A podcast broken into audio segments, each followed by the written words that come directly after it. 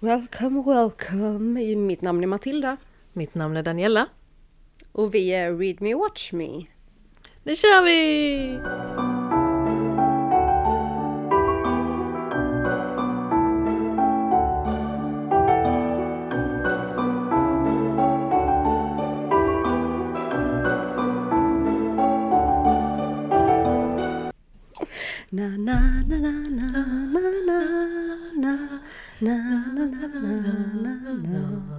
Låter det lika bra i mikrofonen tror du som i vårt huvud?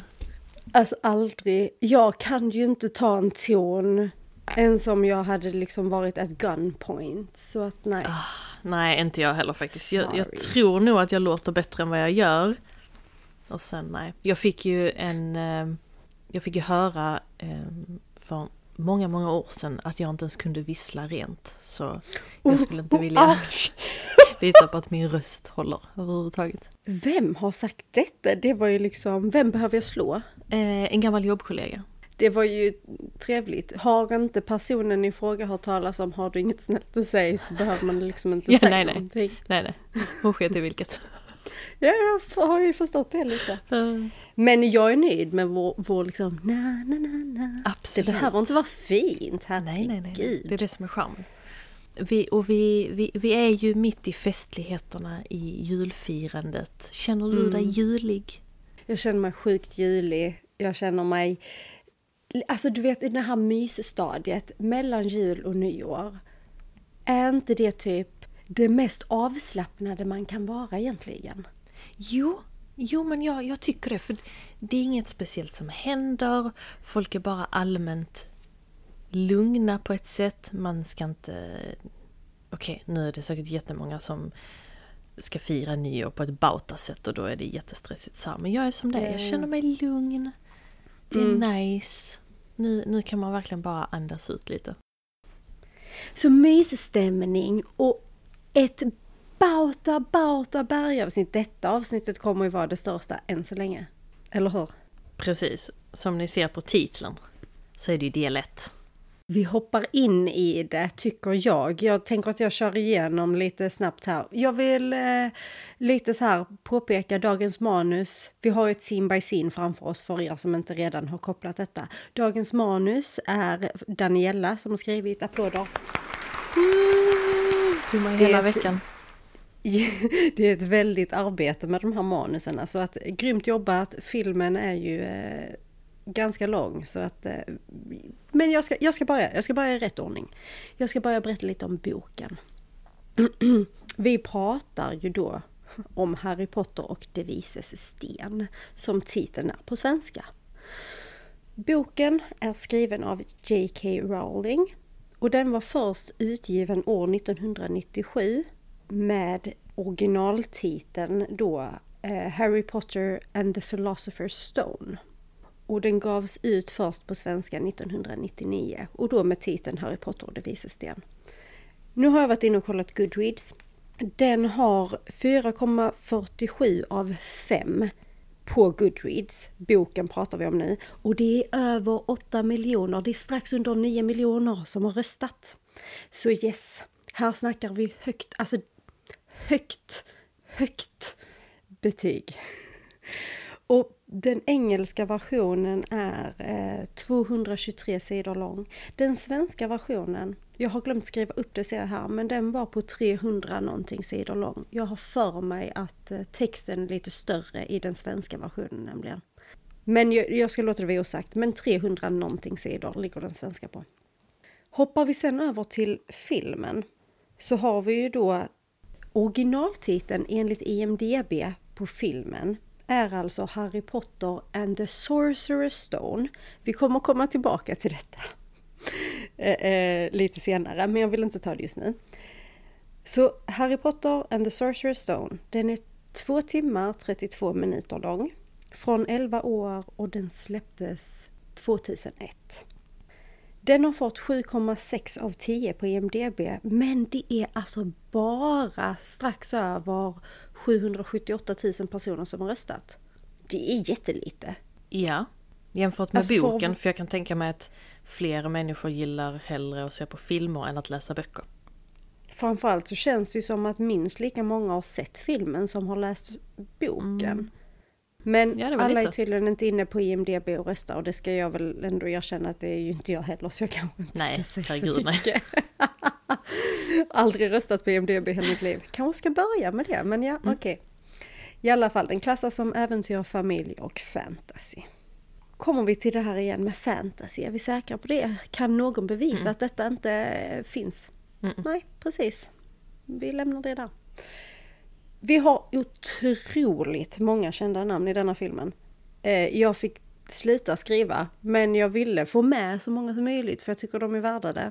Så vi har ju då Daniel Radcliffe som spelar Harry Potter och under inspelningen av första filmen så är han 12 år gammal. Puppe. Jag vet! Sen har vi Rupert Grint som spelar Ron Weasley och han var 13 år vid inspelningen. Emma Watson som Hermione Granger, eller Hermione som jag trodde att man sa när jag var liten.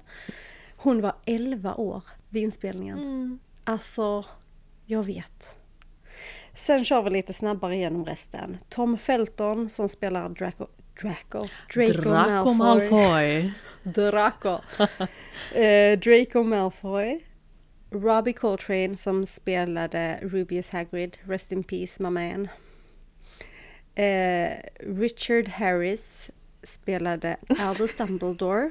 Jag trodde han den- hette Richard Har- Harris Albus, jag bara Jag wow! vet, nej, det, är jag, det är jag som inte har eh, skött min uppgift helt ordentligt. Jag ändrade direkt. Tyckte jag, men gud. Jag hade glömt, jag hade glömt separera på eh, skådisens namn och eh, själva karaktärens namn så det ser ut som ett. Richard Harris som spelar Albus Dumbledore i denna filmen och i den andra filmen. Innan han gick bort, Rest in Peace Man igen. Du kommer Maggie rest in peace ganska mycket nu känner jag. Ja, fast det, jag, ja, lite så. Jag har också lite dålig koll men det kommer nog i de senare filmerna. Jag tror jag vet vilka. Och missar jag någon så ber jag om ursäkt, det är inte min mening.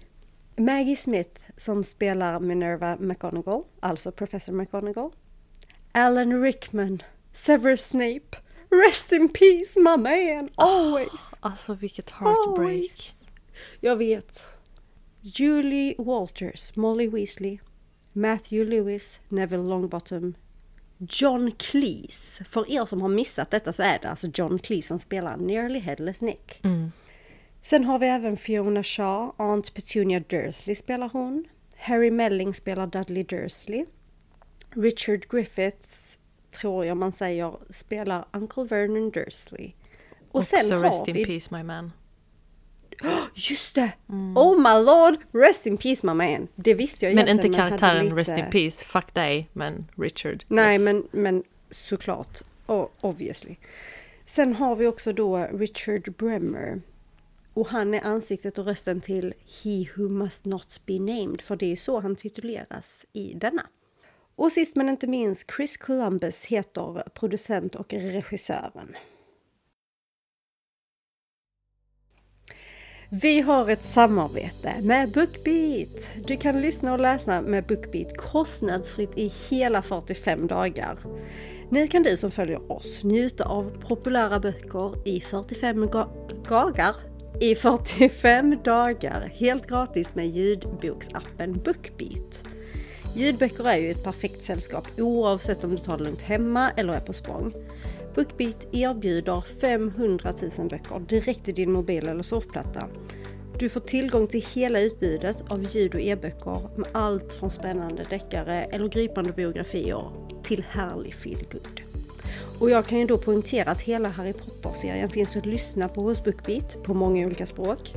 Men uppläsaren på engelska är alltså Stephen Fry. Och har du inte lyssnat på den så kan jag starkt rekommendera att göra det då det verkligen är en magisk upplevelse. Villkoret här för att utnyttja vårt eh, samarbete eller erbjudande och det är ju att det gäller nya Bookbeat-användare. Och efter gratisperioden så kostar Bookbeat från endast 99 kronor i månaden. Du kan avsluta när du vill, Bookbeat har ingen bindningstid. Koden är README sammansatt R-E-A-D-M-E README. Ska vi dyka in i filmen? Jag tycker det.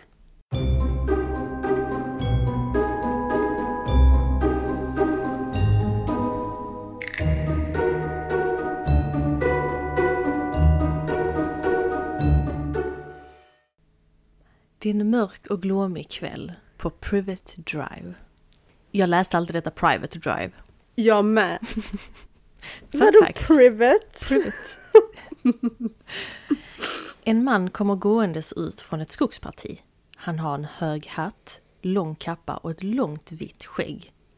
En katt får syn på honom och sitter fridfullt medan mannen tar fram ett föremål och höjer handen i ögonhöjd. Han öppnar upp föremålet, som liknar en vanlig tändare, och börjar fånga in ljuset från gatulamporna på Private Drive. Sakta men säkert så släcks gatan ner.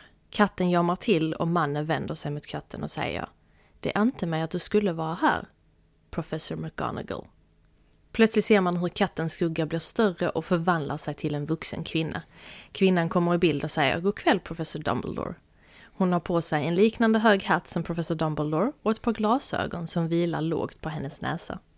De börjar gå bredvid varandra när McGonagall frågar Är ryktena sanna, Albus?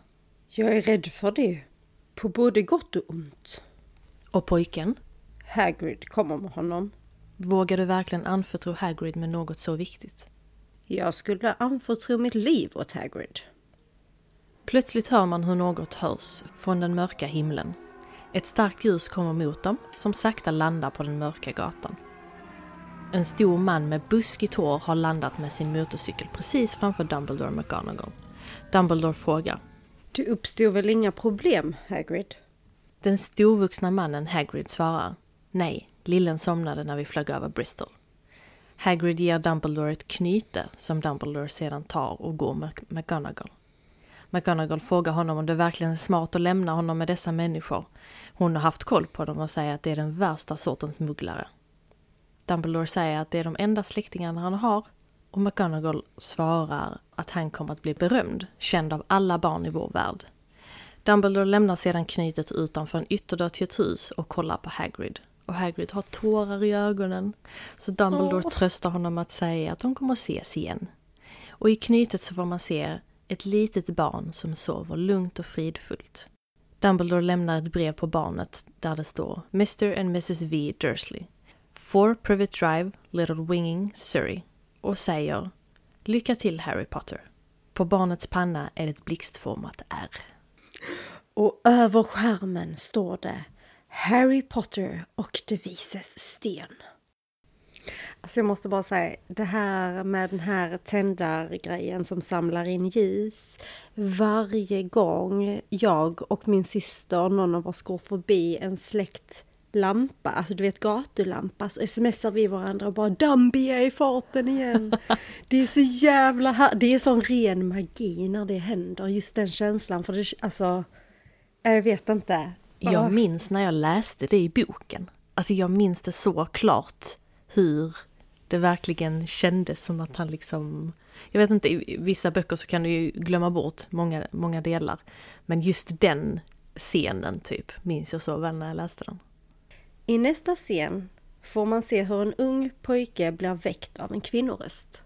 Han har ett likadant ärr i pannan och man förstår att detta är flera år senare och pojken vars namn är Harry har vuxit upp. Kvinnan står maniskt och knackar på en sovrumsdörr. Bara att dörren går till en skrubb under trappan. Inne i skrubben sover han på en madrass. Han tänder den lilla lampan han har i skrubbens tak, vilket är trappan ovanför. En annan pojke kommer nedspringandes hårt på, trapp på trappstegen och springer sedan upp och ner för att göra så mycket ljud som möjligt. Han hoppar jämfota på trappstegen och ler med sitt fula lilla leende. Han skriker Vakna kusin, vi ska till zoo! Så fucking... Åh, Hata honom! ja.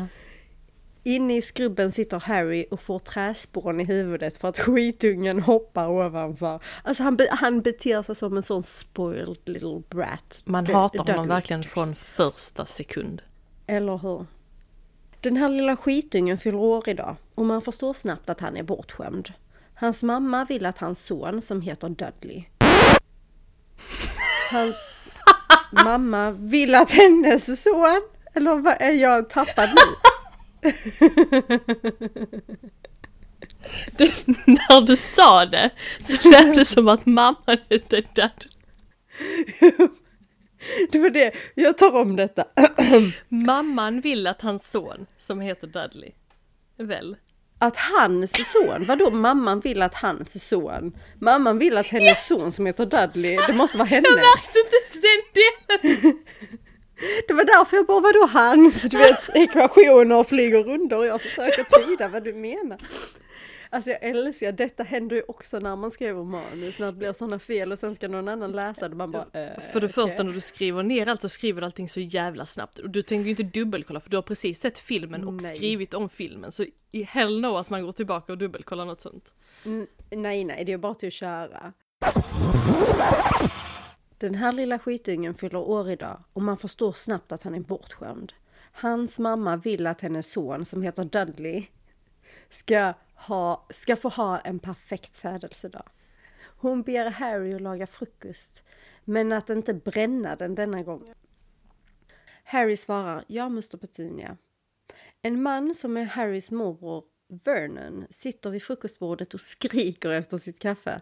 Harry verkar vara deras lilla hemtjänst. Dudley börjar skrika och frågar hur många presenter han har fått. How many are there? 36. Counted them myself. 36! But last year, last year I had 37! Yeah, yes, well, well, some of them are quite a bit bigger than last year. I year. don't care how big they are! No, no, no, no. This is what we're going to do. Is that when we go out, we're going to buy you two new presents. How's that, pumpkin? Harry kollar på den bortskämda skitungen Dudley. Det är rätt uppenbart att Dudley är favoritpojken i denna familjen. Innan Harry ska sätta sig i bilen för att åka till Sot med sin familj så varnar Vernon honom att om han hittar på några konstigheter så kommer han inte få mat på en vecka. Ja, alltså detta är helt sjukt egentligen. Jag reagerade också på detta nu i vuxen ålder när man såg den. Bara seriöst? Han bor under en trappa och får inte äta om han inte liksom keeps in check. Ja, det är jättekonstigt. Inne på Sot så är de i territoriedelen bland ormar och tittar på en orm som ligger och vilar. Dudley vill att någon ska få den att börja röra sig så Vernon börjar knacka på fönstret och skrika rör dig! Och Dudley börjar knacka ännu hårdare och skriker ännu högre att ormen ska röra sig. Och Harry ryter ifrån och säger att ormen sover. Och Dudley tycker att ormen är skittråkig. Så alla förutom Harry går för att kolla på de andra djuren och så vänder han sig mot ormen och säger han vet inte hur det är att ligga där dag ut och dag in och se folk trycka sina fula ansikten mot rutan och glo på dig. Ormens huvud lyfter sig plötsligt och sen ser det ut som att han blinkar med ena ögat mot Harry. Så Harry fortsätter att prata med ormen tills då skitungen Dudley ser att ormen har börjat röra sig och han springer mot glaset, puttar bort Harry och skriker Mamma, pappa, titta vad ormen gör! Harry har då trillat ner ganska så hårt på marken och Dudley ställer sig liksom på en kant så att han trycker sina händer och sitt ansikte mot glaset in till ormen. Han blir ju, Harry då, blir ganska irriterad på Dudley och spänner sin blick mot honom. Och sen plötsligt så försvinner det här glaset in till ormen så Dudley trillar fram och rakt ner i vattnet hos ormen. Ormen börjar slinga sig ut från hemmet, från sin bur, vänder sig mot Harry och säger thanks. Både Harry och Dudley kollar på när ormen slingar sig ut mot utgången och alla som är inne i territoriet börjar få panik. Där är barn och vuxna som skriker och springer och Dudley verkar inte bry sig så jättemycket utan han ska liksom klättra ut från den här lilla vattenpoolen. När plötsligt glaset är tillbaka. Han får panik och börjar banka på glaset och skrika efter sin kära mamma. Petunia och Vernon ser detta och skriker efter sitt älskade lilla rövhål och Harris ligger fortfarande nere på marken och skrattar åt dem. Men så ser Vernon detta. Så när familjen kommer hem så drar Vernon Harry i håret och frågar vad som hände. Och Harry säger att han vet inte och att glaset bara försvann, precis som magi. Och när han säger detta ordet så blir Vernon ännu mer arg och slänger in honom i skubben under trappan. Han låser utifrån och väser genom ett litet ventilintag typ att magi inte finns och sen så stänger han den hårt. Jag tänkte faktiskt lite snabbt inflika här med att eh, vet du att innan de började spela in dessa filmerna för det var, en, det var jättemånga som ville göra dessa filmerna och liksom gick till Warner Bros tror jag det var med så här om att få göra dem. Och till sist så blev det ju då Chris Columbus som eh, fick ansvaret. Men innan detta så tänkte Warner Bros först att göra Harry Potter-filmerna animerade. Jaha, det visste jag inte. Tänk vad sjukt det hade varit om dessa hade varit animerade ändå. Det hade ju inte alls blivit lika stort tror du, eller? Mm, Det tror inte jag heller. Alternativt animerade eller att de skulle slå ihop flera böcker till en film. Ah, det hade inte blivit bra. Men detta var anledningen till det var att de var rädda att eh, eh, skådisarna skulle förändras för mycket under tiden och det var för många filmer så att de skulle liksom inte, det skulle inte funka och de skulle behöva byta ut skådisar och så vidare. Men istället så landade de ju i det som faktiskt hände, att de spelar in varje bok som enskild film, sista boken två filmer. Och eh, att de gjorde det på väldigt kort tid, alltså de gjorde det back to back mer eller mindre ju för att inte för mycket skulle kunna hända eh, mellan. Vad vi antar eh, är någon dag eller två senare så ser vi hur en, hur en flyger. Så ser vi att det flyger en... så ser vi hur det flyger en uggla med ett brev i klorna. Den släpper ner brevet och sätter sig på ett hustak. Sen ser vi hur Harry är i hallen och är den första som når posten som har kommit i brevluckan i dörren. Han kollar igenom det som har kommit och ser att ett av breven är adresserat till honom, till skrymslet under trappan. Han går in i köket och ger de övriga breven till Vernon. Dudley ser dock att Harry har fått ett brev och springer snabbt fram och tar det. Han skriker Harry har fått ett brev! Harry försöker få tillbaka det, men Vernon hånskrattar åt honom och undrar vem som skulle skriva till honom. När han ser vem det är från kollar han oroligt på Petunia, men ger inte tillbaka brevet till Harry. Varje dag kommer likadana brev från ugglor, rakt ner genom brevinkastet. Vernon ser till att Harry inte får tag i breven utan river isär dem direkt. Han till och med skriver en träbrä- eller spikar upp en träbräda över brevinkastet så att inga fler brev kan levereras. När Vernon ska till jobbet så sitter det flertal ugglor på både bil och hus och samma brev ligger på deras uppfart. Detta är inte jättepopulärt eftersom Vernons äh, familjen, liksom Dursley, det främsta de bryr sig om är hur allting ser ut för alla andra. Så de är inte supertaggade på alla dessa ugglor som är överallt. En lugn söndag sitter familjen och äter kakor och, och dricker te. Vernon är väldigt glad för att det är söndag och det betyder att det inte kommer post. Han sitter liksom helt så, hans hår är helt så spretigt som att han har typ rivit brev varje dag den här veckan och bara mm, Han har haft en tuff period. Men det är som du, han är så jäkla nöjd. Han bara, det är söndag, mamma. Fine day, Sunday. In my opinion, best day of the week. Why is that, Dudley? Because there's no post on Sundays. Right you are, Harry. No post on Sunday. När Harry kollar ut genom fönstret så sitter där ett 50-tal ugglor på hustaket, på bilen, på gräsmattan och till och med på grannens tomt. Plötsligt kommer det ett brev inflygandes genom skorstenen och träffar Vernon i huvudet. Han blir helt tyst. Alla kollar mot skorstenen och bara inom några sekunder så flyger det in flera hundratals brev.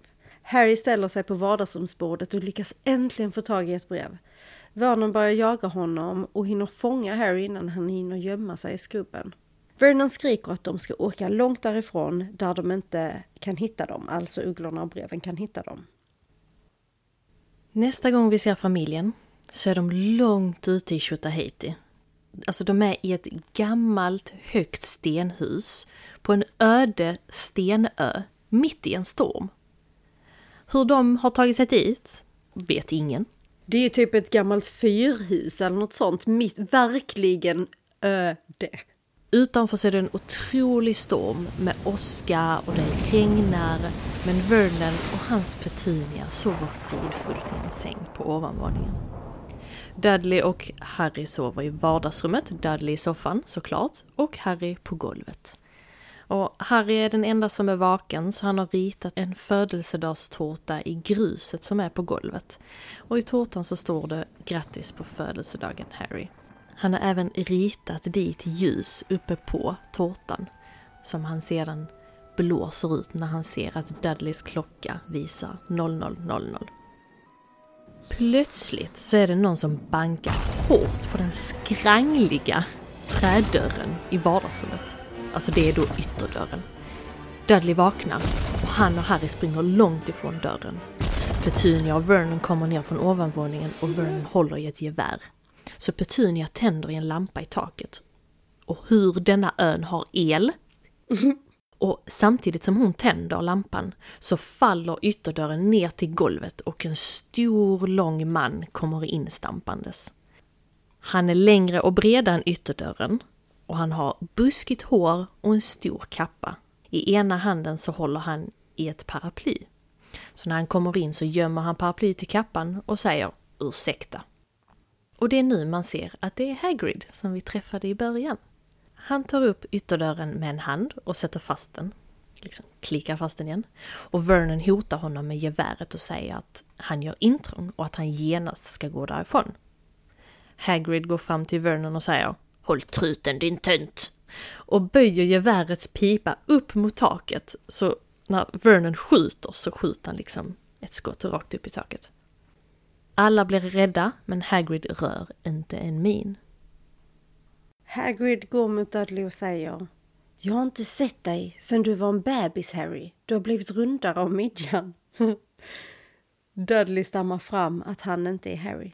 Harry som har gömt sig bakom en stenvägg kommer fram och säger Det är jag. Hagrid svarar Självklart.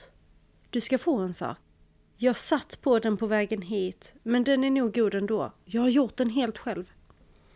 Hagrid ger honom en låda och när Harry öppnar den ser han att det är en tårta där det står Hav den ära med Harry. Harry blir lite förvånad men tackar snällt. Hagrid säger att det inte är varje dag man blir elva. Han sätter sig i soffan, tar fram sitt paraply och skjuter ut eld från den i brasan. Man ser också hur stor Hagrid är i jämförelse med en vanlig person, vilket tyder på att han inte är 100% människa. Harry står förvånat och kollar på brasan, men frågar sedan vänligt. Excuse me. Who are you? Rubius Hagrid, keeper of keys and grounds at Hogwarts. Of course, you'll know all about Hogwarts. Sorry, no. No? Blimey, Harry, didn't you ever wonder where your mum and dad learned it all? Learn what? You're a wizard, Harry. You're a wizard Harry. You're Harry! a wizard Harry. Det är den bästa! You're a wizard, You're a Harry. wizard. Alltså varje gång jag hör det. Ha, alltså jag tror hade man mätt mina endorfiner, serotonin och dopamin i min kropp samtidigt som man spelar det så hade man bara sett hur allting hade spikat rätt upp. Alltså ja, ja, utan tvekan. You're a wizard Harry. Nej, du måste missta dig. Jag kan inte vara en trollkarl. Jag är ju bara Harry. Bara Harry. Har du gjort någonting konstigt? Något oförklarligt när du har varit arg eller rädd? Harry är tyst. Hagrid reser sig från soffan och tar fram ett brev från sin kappa och ger det till Harry. När Harry öppnar brevet läser han. Kära Mr Potter. Ni är antagen till Hogwarts skola för häxkonster och trolldom. Vernon springer fram till Harry och säger Det blir ingenting med det. Vi svor att det skulle bli ett slut med det. Harry blir upprörd över att de visste om detta utan att berätta något för honom.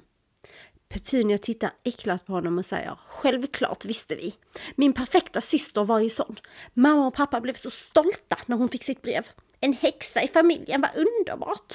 Det var bara jag som såg vad hon var. Ett missfoster. Sen träffade hon Potter och fick dig som blev lika märklig och onormal. Sen sprängdes hon i bitar och vi fick dig på halsen. Och detta är ju nog faktiskt det längsta Petunia har pratat någonsin i eh, kanske alla filmer. Det var hennes 15 minutes of fame. Hon levererade detta otroligt bra. Eller ja, det får man ge henne. Verkligen. Harry blir förvånad och säger att de berättade för honom att hans föräldrar dog i en bilolycka. Nu blir Hagrid arg och avbryter. Skulle Lily och James Potter ha dött i en bilolycka? Vilken skandal! Medan de bråkar halvt om lögnerna så smyger Dudley och tar lådan med tårtan. Vernon menar att Harry inte ska gå och att Hagrid hånar honom och frågar om en mugglare verkligen skulle förhindra det. Hagrid förklarar för Harry att mugglare är folk utan magiska förmågor och att Harry skre skrevs och att Harry skrevs in när han föddes. Han ska få gå på världens bästa skola och ha den bästa rektorn Hogwarts någonsin har haft. Albus Dumbledore. Albus Dumbledore. Vad var det Dumbledore? Albus Dumbledore. I bakgrunden trycker Dudley i sig tårtan som den glupska bortskämda skitungen han är. När Hagrid blir arg på Vernon för att han förolämpat Dumbledore ser Hagrid hur Dudley trycker i sig tårtan. Han pekar med sitt paraply mot Dudley och ger honom en grissvans. Petunia, Vernon och Dudley får panik och springer runt och skriker. Hagrid och Harry står själva kvar och Hagrid säger att han uppskattar om han inte berättar för någon på Hogwarts om att han gjorde det där för han får inte trolla. Han tar upp sitt fickur och säger Vi är sena, dags att åka. Han slänger av ytterdörren igen och fortsätter. Såvida du inte hellre vill stanna här och går ut genom ytterdörren och ut i stormen. Harry behöver inte tänka så länge utan han följer med ut. Visste du att Hagrid var den första att bli castad till denna filmen? Mhm, nej det visste jag inte. Robbie Coltrane, jo. Både Robbie Col Coltrane och eh, Dame Maggie Smith, alltså hon som spelar McGonagall, blev handplockade av Rowling till sina roller. I nästa scen så får man se en vy över London. Och på en upptagen gata så går Harry och Hagrid och Harry läser från sitt brev. Alla elever måste ha en tändkittel, standardstorlek 2, och få ta med sig en uggla, katt eller padda. Kan man verkligen köpa allt det här i London? Hagrid viskar, om man vet var man ska gå. Så de går in i en vad som liknar en övergiven bar, där det sitter en mängd människor i lite annorlunda klädsel. Mycket kappor, höga hattar och uråldriga glasögon. Bartendern ser att Hagrid kommer in och säger Åh Hagrid, det vanliga förmodar jag? Hagrid svarar att han är där i Hogwarts-ärenden och att han hjälper Harry att handla. När bartendern ser den lilla pojken så säger han Åh milde tid, det är Harry Potter. Så fort Harrys namn hörs så stillar folkbruset, musiken stannar och alla kollar mot dem. Vissa börjar tissla och tassla och en man skakar hand med Harry och hälsar honom välkommen tillbaka. Harry är uppenbart förvirrad och förvånad av att alla dessa okända människor vet vem han är. Till sist kommer en man fram. Han stammar fram Harrys namn och säger att det är en ära att få träffa honom. Han har en turban virad på huvudet och är lite av en nervös själ. Hagrid hälsar på honom och man får reda på att han är professor Quirrell och att han kommer undervisa Harry i försvar mot svartkonster. Harry sträcker fram handen och säger att det är trevligt att träffas. Krill kollar på hans hand och det verkar som att han inte riktigt vill ta i den utan fortsätter. Fruktansvärt fascinerande ämne. Men du kan väl allt om det? Hagrid säger att de måste vidare då de har en del att handla, så de går ut mot en bakdörr. Och Hagrid förklarar att han är ganska så berömd. Men Harry fattar inte riktigt varför. Hagrid säger att han inte är rätt person att berätta det för honom. Nu står de framför en tegelvägg och Hagrid tar fram sitt paraply som By the way, det är inte ett stort svart paraply utan det här är ett litet urgulligt ljusrosa paraply som han har haft hela tiden. Fast det roliga är att, vet vad jag har tänkt på, vilket inte har slått mig förrän egentligen nu? Jag tror egentligen paraplyet är i normalstorlek, men Hagrid ah. är så ah. jäkla gigantiskt att det ser typ ut som ett litet paraply. Ja, ja det är sant. För det ser, det ser ut som typ en vuxen människa som håller ett barnparaply. Alltså den, ja. vi snackar den eh, storleksskillnaden liksom. 100% det måste verkligen vara så.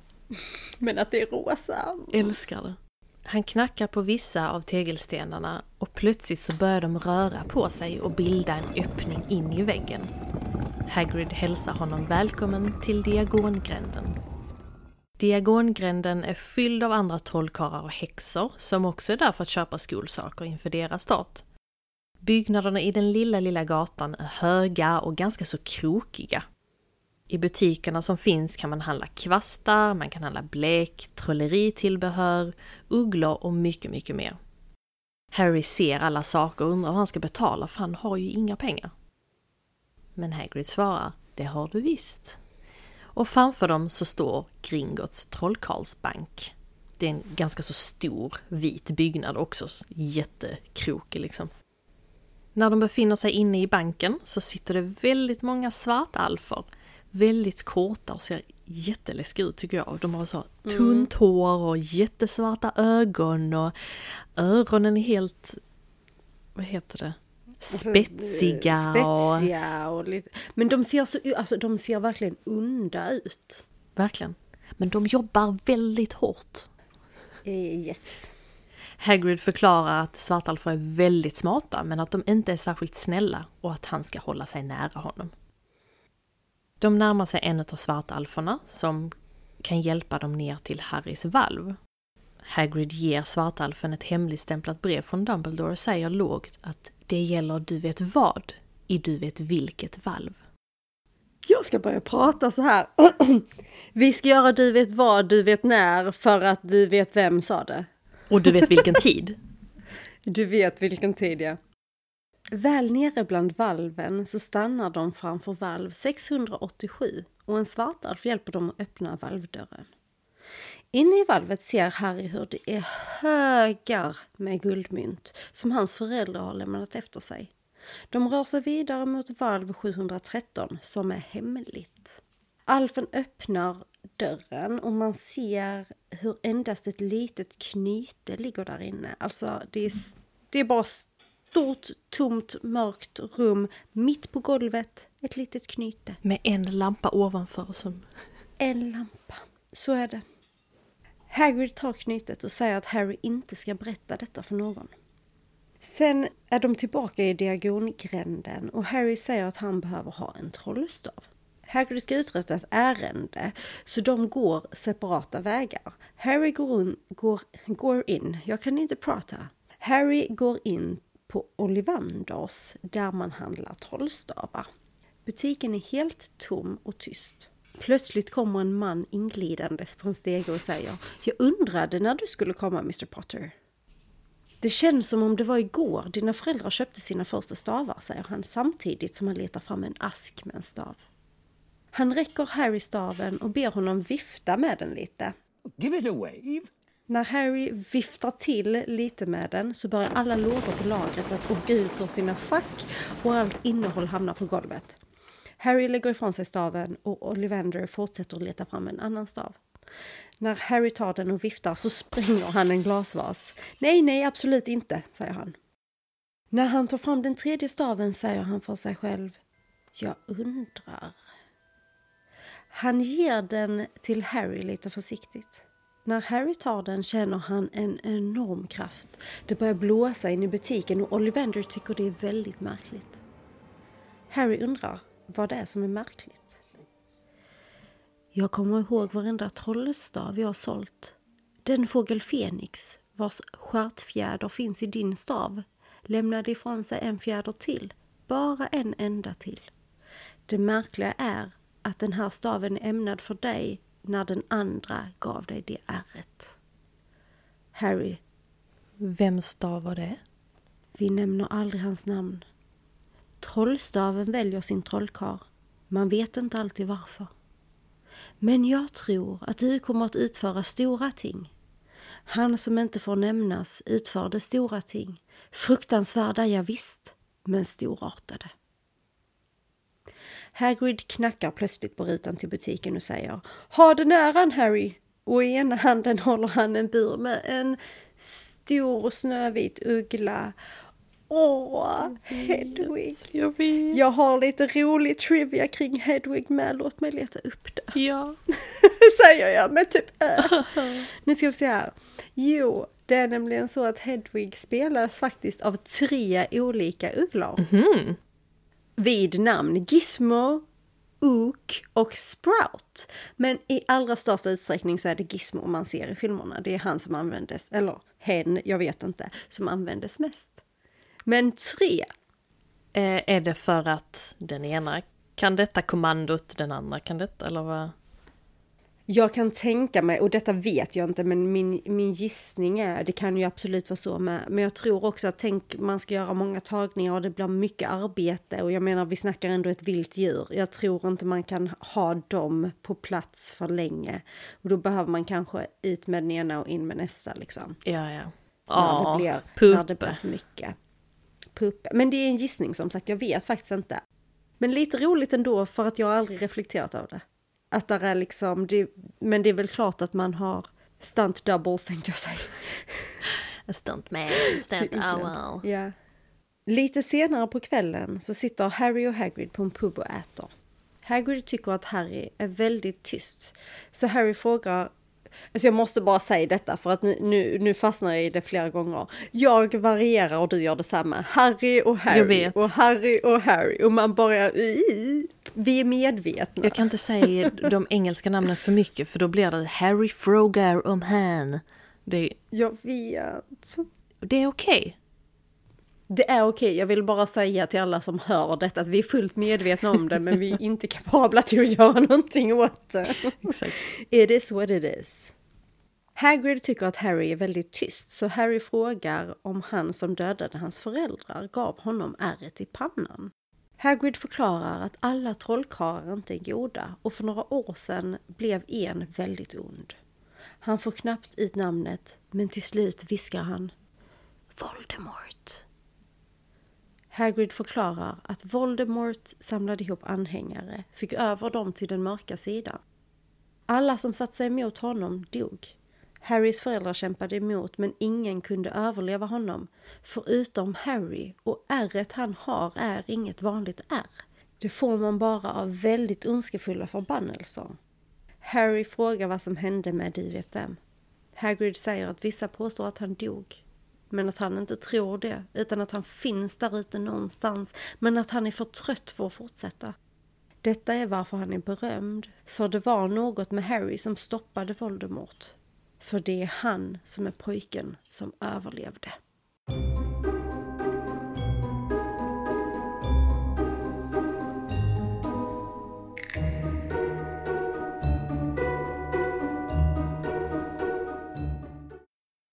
Nu är dagen kommen när Harry ska iväg till sin nya skola. På tågstationen så lämnar Hagrid honom till att ta sig till sin plattform, perrong 9 och 3 fjärdedelar. Harry reagerar på att det är en sån perrong som inte finns. Låt oss bara pausa och undra hur en 11-årig pojke som troligtvis aldrig har varit på tågstationen vet att det inte finns en perrong som heter 9 och 3 fjärdedelar. Jag vet inte, för det känns ju inte som att det är någonting man lär sig i skolan, liksom hur perronger funkar, men vad vet jag? Men något jag vet, det är att plattform 9 and 3 quarters finns på riktigt på Kings Cross som en hyllning till alla fans. Det förvånar mig inte och de har lagt till det i efterhand antar jag. Ja, alltså detta har väl kommit, jag vet faktiskt inte när det kom, men det har ju kommit som en hyllning till eh, hela Harry Potter-grejen. liksom. Det är så fint. Där är till och med, har jag för mig att jag läste, så har de satt en sån här, du vet den vagnen de kör. De, jag tror, om jag tolkade det rätt när jag läste denna trivian, så har de liksom satt en sån i den här väggen som är Ja. perrong 9 and 3 quarters så folk kan ställa sig där och ta bilder med det och se ut som att de försvinner in i perrongväggen mellan. Så ball. Men Harry fattar att det inte finns en sån perrong tydligen. Men han tar ändå sig ner mot perrongerna med sin vagn där han har allt bagage och sin uggla i en bur. När han väl kommer ner dit och ska liksom hitta sin perrong så hör han hur en kvinna med en familj skriker Lika fullt med mugglare som vanligt! Och han förstår att de ska mot, mot samma perrong. Jag älskar våra skånska dialekter Jag på dessa karaktärer. Det är så Harry Potter på skånska. Tänk om dubbningen på svenska hade varit på skånska. Alltså, olika skånska dialekter. Eller, Eller hur? Han kör sin vagn bakom fyra rödhåriga killar med likadana bagagevagnar. Och sen hör han hur den äldsta tar sin vagn och börjar kubba mot en tegelvägg som är då eh, tegelväggen mellan perrong 9 och 10. Och plötsligt så försvinner han in i väggen. Och sen är det då dags för det rödhåriga tvillingparet att springa mot väggen. Och de kubbar in i väggen och så försvinner de. Harry går fram till kvinnan och så frågar han om hjälp och hon introducerar honom för hennes yngsta son Ron. Och säger att han ska gå rakt in i väggen mellan perrongerna 9 och 10. Och det är egentligen det. Så han tar sats, halvspringer och plötsligt så är han på andra sidan. Där väntar Hogwarts-expressen, ett jättestort svart och rött lok som då ska ta honom till skolan. På loket så sitter Harry själv i en kupé när Ron tittar in och frågar om han får sitta med honom då alla andra kupéer är helt fulla. Han säger självklart och han presenterar sig och säger att han heter Ron Weasley och Harry presenterar sig som Harry Potter. Ron tittar chockat på honom och undrar om han verkligen har ärret i pannan, så Harry tar upp sin lugg och visar honom. När godisvagnen senare kommer förbi så handlar Harry upp hela vagnen för att Ron har inte så mycket pengar. De äter Bertie Botts bönor i olika smaker, de äter chokladgrodor som hoppar och jättemånga gelégodisar, alltså det ser skitgott ut. De sitter och chitchattar lite när plötsligt en liten flicka med buskigt hår ställer sig i dörröppningen och frågar om de har sett en padda. En pojke som heter Neville har blivit av med sin. När hon ser att Ron har uppe sin trollstav för att han ska visa Harry att han har lärt sig hur man gör hans råtta gul, typ. Så när hon ser att Ron har uppe sin trollstav så frågar hon om han ska trolla och uppmanar honom att fortsätta. Ron harklar sig och säger Solsken, blommor, snö till jul gör denna dumma råttan gul. Och hans husdjur då, råttan Scabbers, sitter liksom i hans knä med en sån här chokladgrodeförpackning över huvudet.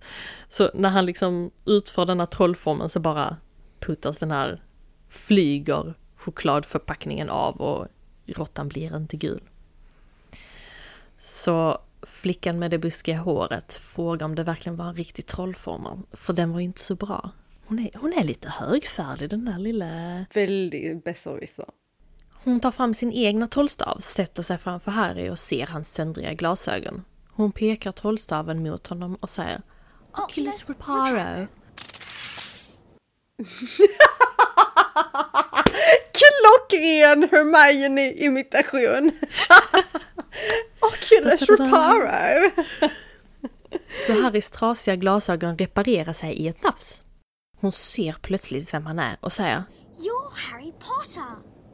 I'm Hermione Granger. And you are?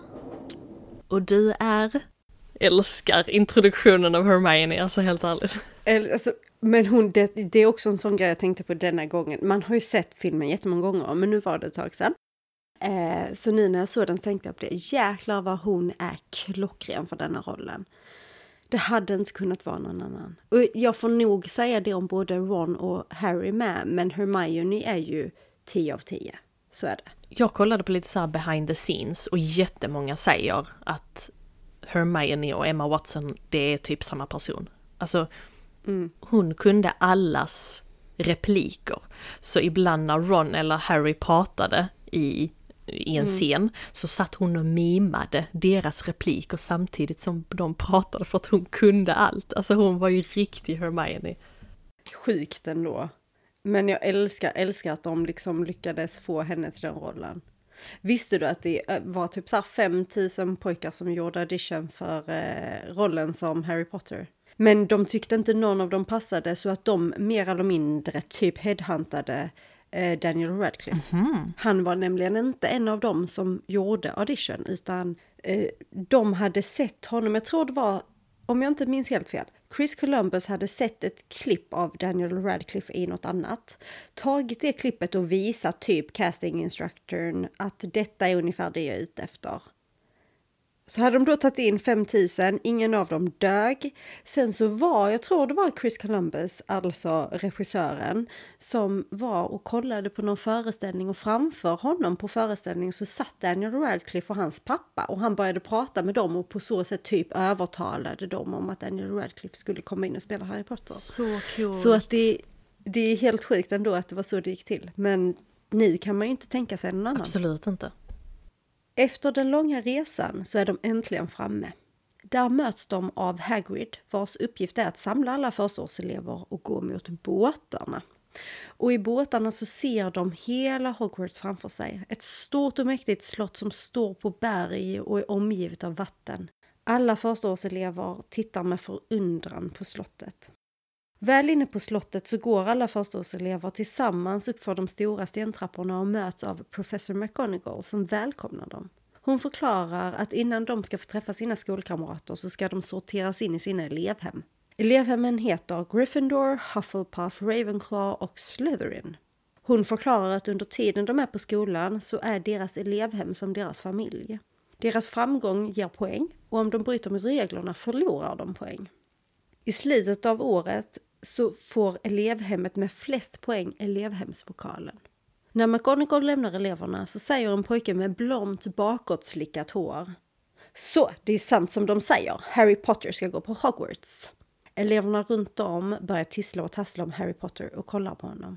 Den blonda pojken presenterar sina vänner Crab och Goyle. Och jag heter Malfoy, Draco Malfoy, och ställer sig framför Harry. När Ron fnissar till bredvid honom säger Draco att han ser direkt vad hans namn är på grund av det röda håret, de ärvda kläderna och han måste vara en Weasley. Det är ganska klart att Draco är en mobbare och vill få över Harry på sin sida. Han säger att han ska hjälpa honom att få vänner på rätt sida och sträcker fram sin hand. Harry tittar på hans hand och säger att han kan avgöra själv vilka vänner som är fel. Innan Draco hinner säga något så knackar McGonagall honom på axeln och säger att det är dags för dem att komma in i salen nu. Det är här deras feud börjar. Det är här deras feud börjar.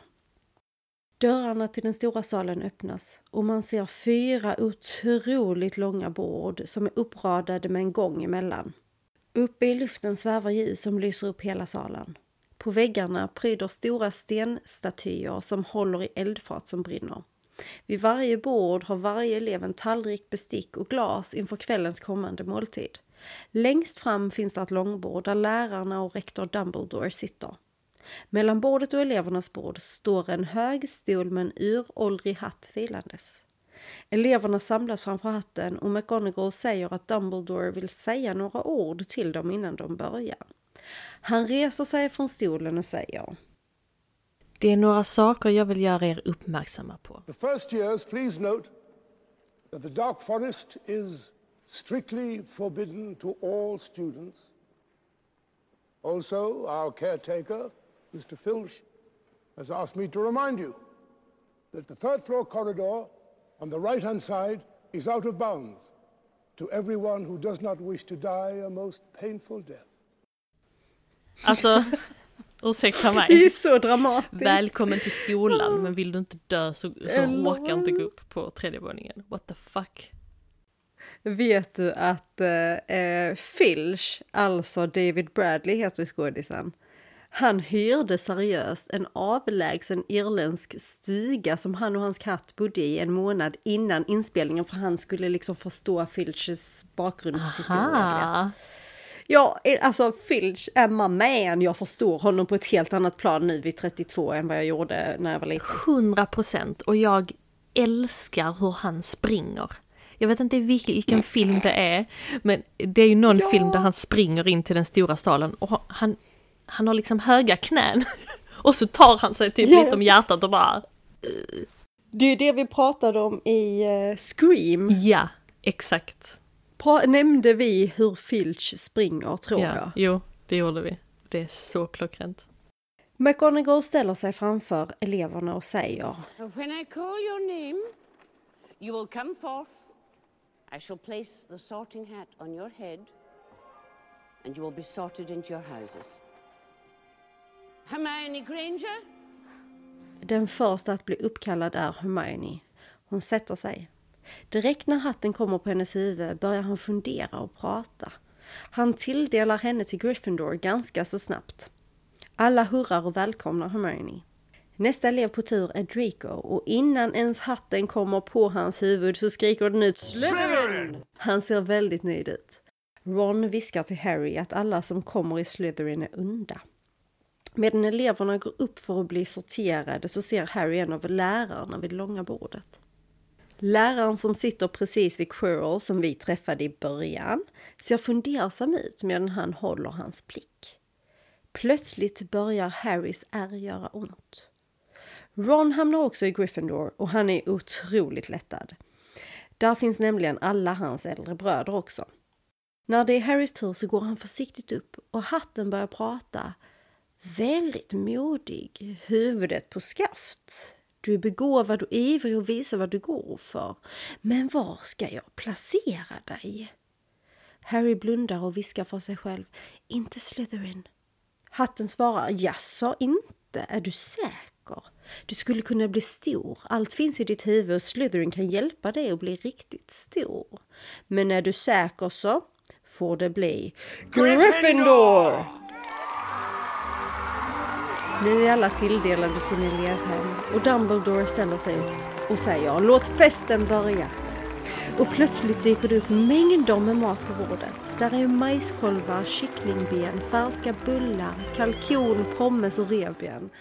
Medan de sitter och äter så passar Harry på att fråga en av Rons äldre bröder vem läraren som sitter bredvid Quirrell är.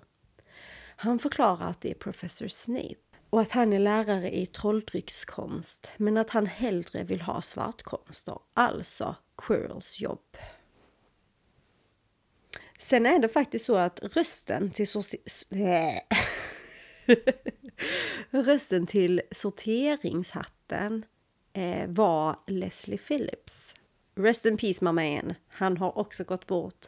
Han blev 98 år gammal. Oj, jag gillar den hatten. Jag gillar också den, den är, den är en riktig karaktär verkligen. Det är därför jag blev också igen förvånad över att jag inte ens har tänkt eller reflekterat över vem det är tidigare.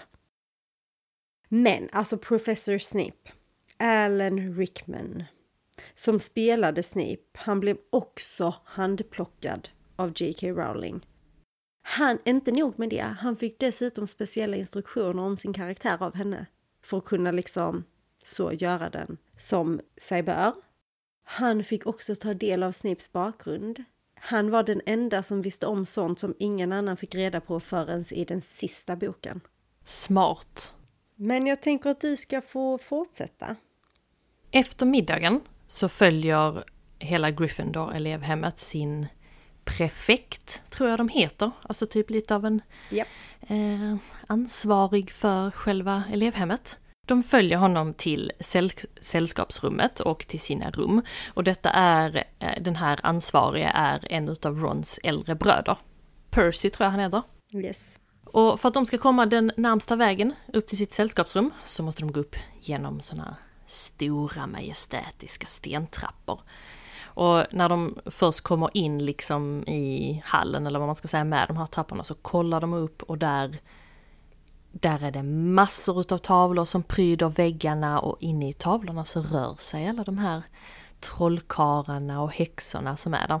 Så berättar Percy att ni får vara uppmärksamma för att trapporna kan börja röra på sig. Och då ser man att vissa utav trapporna ändrar liksom riktning i den här hallen, så man måste skynda sig lite. Och detta är typ den första och sista gången vi ser de här trapporna. Jag tror man kanske ser dem i någon film till, där den bara ändrar riktning mm. typ. Väl framme till ingången till elevhemmet så möts de av en väldigt stor tavla med en kvinna som sitter i en rosa klänning. Och så ber hon om lösenordet. Caput Draconis, säger Percy. Och tavlan öppnar sig utåt som en dörr. Och det är ingången till Gryffindors sällskapsrum. Inne i sällskapsrummet så är det så himla mysigt. Där är en öppen brasa med eld i, fåtöljer och soffor i röd sammet. Där är liksom ganska mörkt och mysigt. Och sen är där även ett bord med stolar där man kan sitta och plugga eller umgås bara. Sovrummen är indelade så att pojkarna går åt ett håll och flickorna åt ett. Nu har de ju då lämnat den här Great eh, Hall och de har ätit den här otroliga måltiden och så i denna filmen i början så började de faktiskt med att använda, inte ljus, utan de hade någon form av sån här olja med liksom en, eh, eh eh, veke i som de hade tänd och sen så var det en sån behållare och så var det typ fiskelina. Den behållaren var knuten i och sen var det knutet upp i taket så att det skulle bli det här ljusen du vet. Som hänger från taket? flyger i taket. Exakt, som, som flyger där. Och det hade de fram till att värmen gjorde att ett av de här, eh, en av de här linorna gick av så det trillade ner. Tack och lov blev ingen skadad. Men efter det så valde de att CGI-a liksom eh, hela den, den delen för att det var en, en liten risk. Vilket jag förstår. Men inte nog med det. I denna filmen, i alla fall till en början, så var all mat riktig mat. Det är sjukt mycket Det är mat. riktigt mycket mat. Problemet var att efter ett par dagar började den här maten lukta. Nej, nej, nej. Jag vet. Så de gick över till att göra en fejkversion av maten. De gjorde typ så här mallar och sen så, så att de använde sig av det istället. Men till en början var det rik- all mat var riktig mat. En av filmhistoriens bästa entréer, enligt mig själv och säkert dig, kommer nu. Och vi ser professor Snape komma insvepandes med sin långa svarta mantel och sin svarta korta page in i ett klassrum. Han säger Hos mig förekommer inga viftningar med trollstavar. or silly incantations in this class. As such, I don't expect many of you to appreciate the subtle science and exact art that is potion making. However, for those select few who possess the predisposition, I can teach you how to bewitch the mind and ensnare the senses. I can tell you how to bottle fame, brew glory, and even put a stopper in death.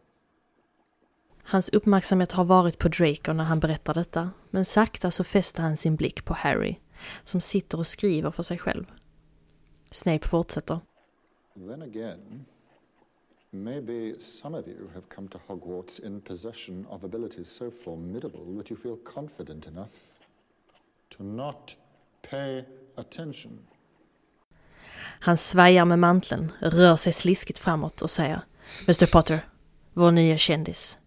Säg mig, vad får man om man häller afrodillrot i en dekokt på malört? Hermione slänger upp sin arm ivrigt. Harry fattar ingenting. Vet du inte det? Vi provar igen. Var skulle du leta efter en besvar? Hermione slänger ännu en gång upp sin arm ivrigt. Harry fattar ingenting. Vad skiljer munkluva från stormhatt? Hermione nästan svävar i luften så högt hon håller uppe sin arm och bara ber med sina ögon om att Snape ska be henne svara. Och Harry vet inte. Synd, berömmelse är visst inte allt. Eller hur? Fun fact. Väldigt heartbreaking fun fact. Dessa tre frågorna som Snape ställer till Harry första gången har faktiskt en mening bakom dem. Ett eh, jättestort fan utav Harry Potter-serien lyckades knäcka vad meningen bakom de orden egentligen var. Och han skriver i något forum Enligt viktorianskt blomspråk är afodillrot en typ av lilja som betyder mina ånger följer dig till graven och malört betyder frånvaro och symboliserar också typiskt bitter sorg. Så om du kombinerar dessa frågorna så betyder Snapes ord Jag ångrar bittert Lillys död. Alltså Harrys mamma. Men jag har en fråga. Bessoar frågar han ju också om. Det är inget som nämns. Jag tänker det finns kanske inte på riktigt. Det var detta som stod i hans text. Och det är ju lite så, åh, Snape. I know. Nu befinner vi oss utomhus, utanför slottet. Solen skiner och vinden är stilla. Och nu är det nämligen dags för vår allra första flyglektion. Madame Hooch är vår tränare. Hon är en väldigt barsk liten kvinna med hårda regler. Hon instruerar eleverna hur man får upp sin kvast i handen med bara ett ord och Hermione blir direkt förnärmad när Harry är en av de första som får upp kvasten. Kort därefter så får Draco upp sin kvast medan alla elever skriker upp, upp, upp till sina kvastar. När fyra av 15 elever har klarat att få upp sin kvast så tycker Madame Hooch att de ska gå vidare och lära sig hur man sätter sig på kvasten och berättar då hur man gör för att påbörja flygningen och hur man landar. När hon visslar i sin visselpipa så är direkt en pojke uppe i luften, nämligen olycksfågeln Neville. Han sitter osäkert på sin kvast och försöker förgäves att komma ner men flyger istället upp i typ 50 kilometer i timmen. Han tappar helt kontrollen över kvasten och när han plötsligt flyger av den så fastnar hans mantel i en av slottets statyer och den här statyn har ett spjut så att han liksom trillar, manteln fastnar i spjutet och så går manteln i sönder och han trillar ner till marken. Madame Hooch springer fram till honom och inser att han har brutit sin handled så hon måste ta honom till sjukhusflygen. När läraren och Neville är borta så ser Drake att Neville har tappat något och tar upp föremålet och det är den här minnessalt. Jag vill säga minnessalt men jag kan ha hittat på det helt själv. Minnesalt tror jag, men jag vet inte. Remem Rememberall heter den ju på engelska. Oh så jag tänker Varför har jag inte fattat? Men jag ser, Minnessaltet. fast jag ser också salt när jag läser det. Jag tror bara det är så hjärnan delar upp det. Men jag tror det ska vara minnsalt. Så trög. Minns allt såklart. Det är en liten glaskula som har rök i sig, så när du har glömt någonting så blir röken röd.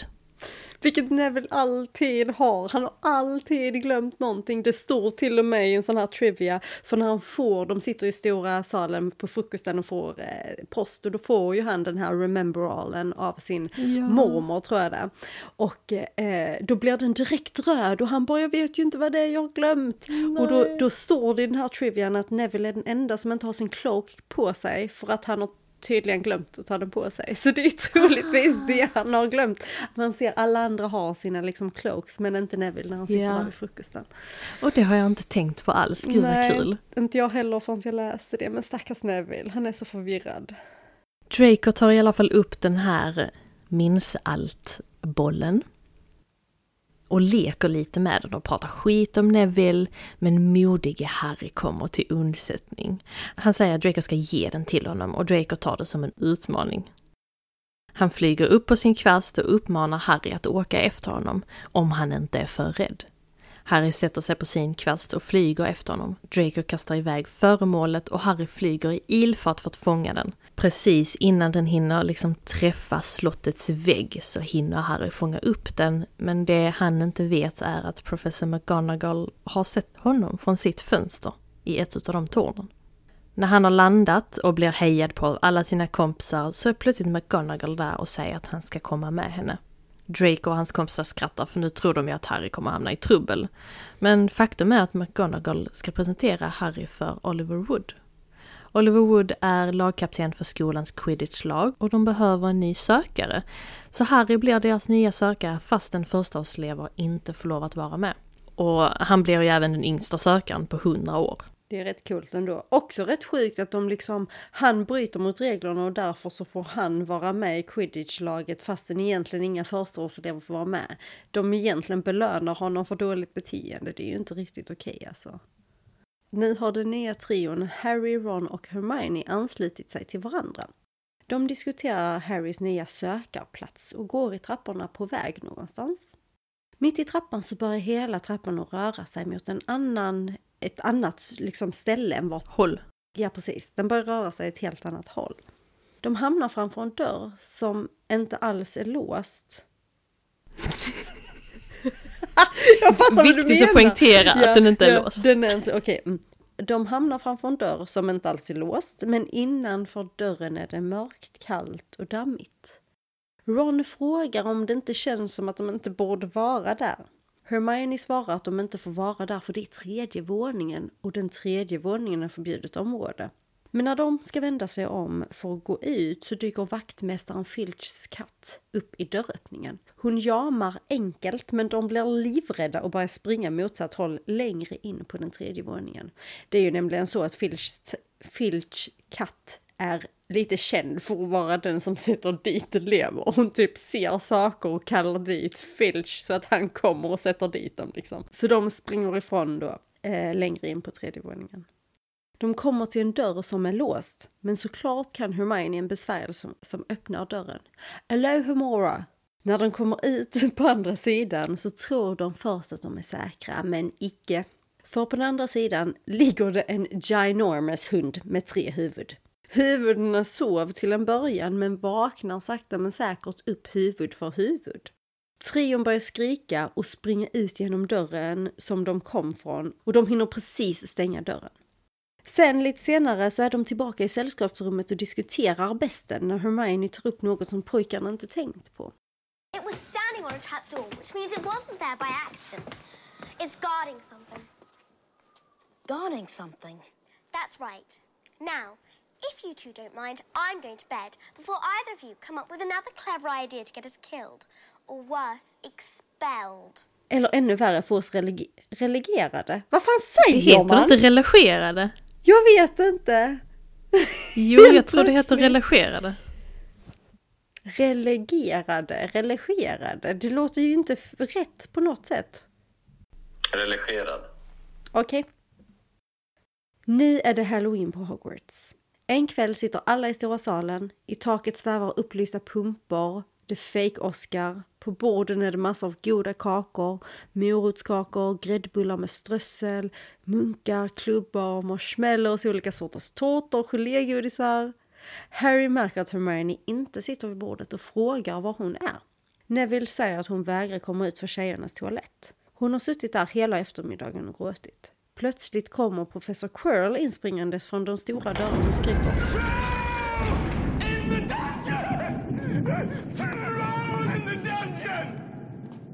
Han stannar upp, kollar på Dumbledore och säger innan han svimmar rakt ner på golvet.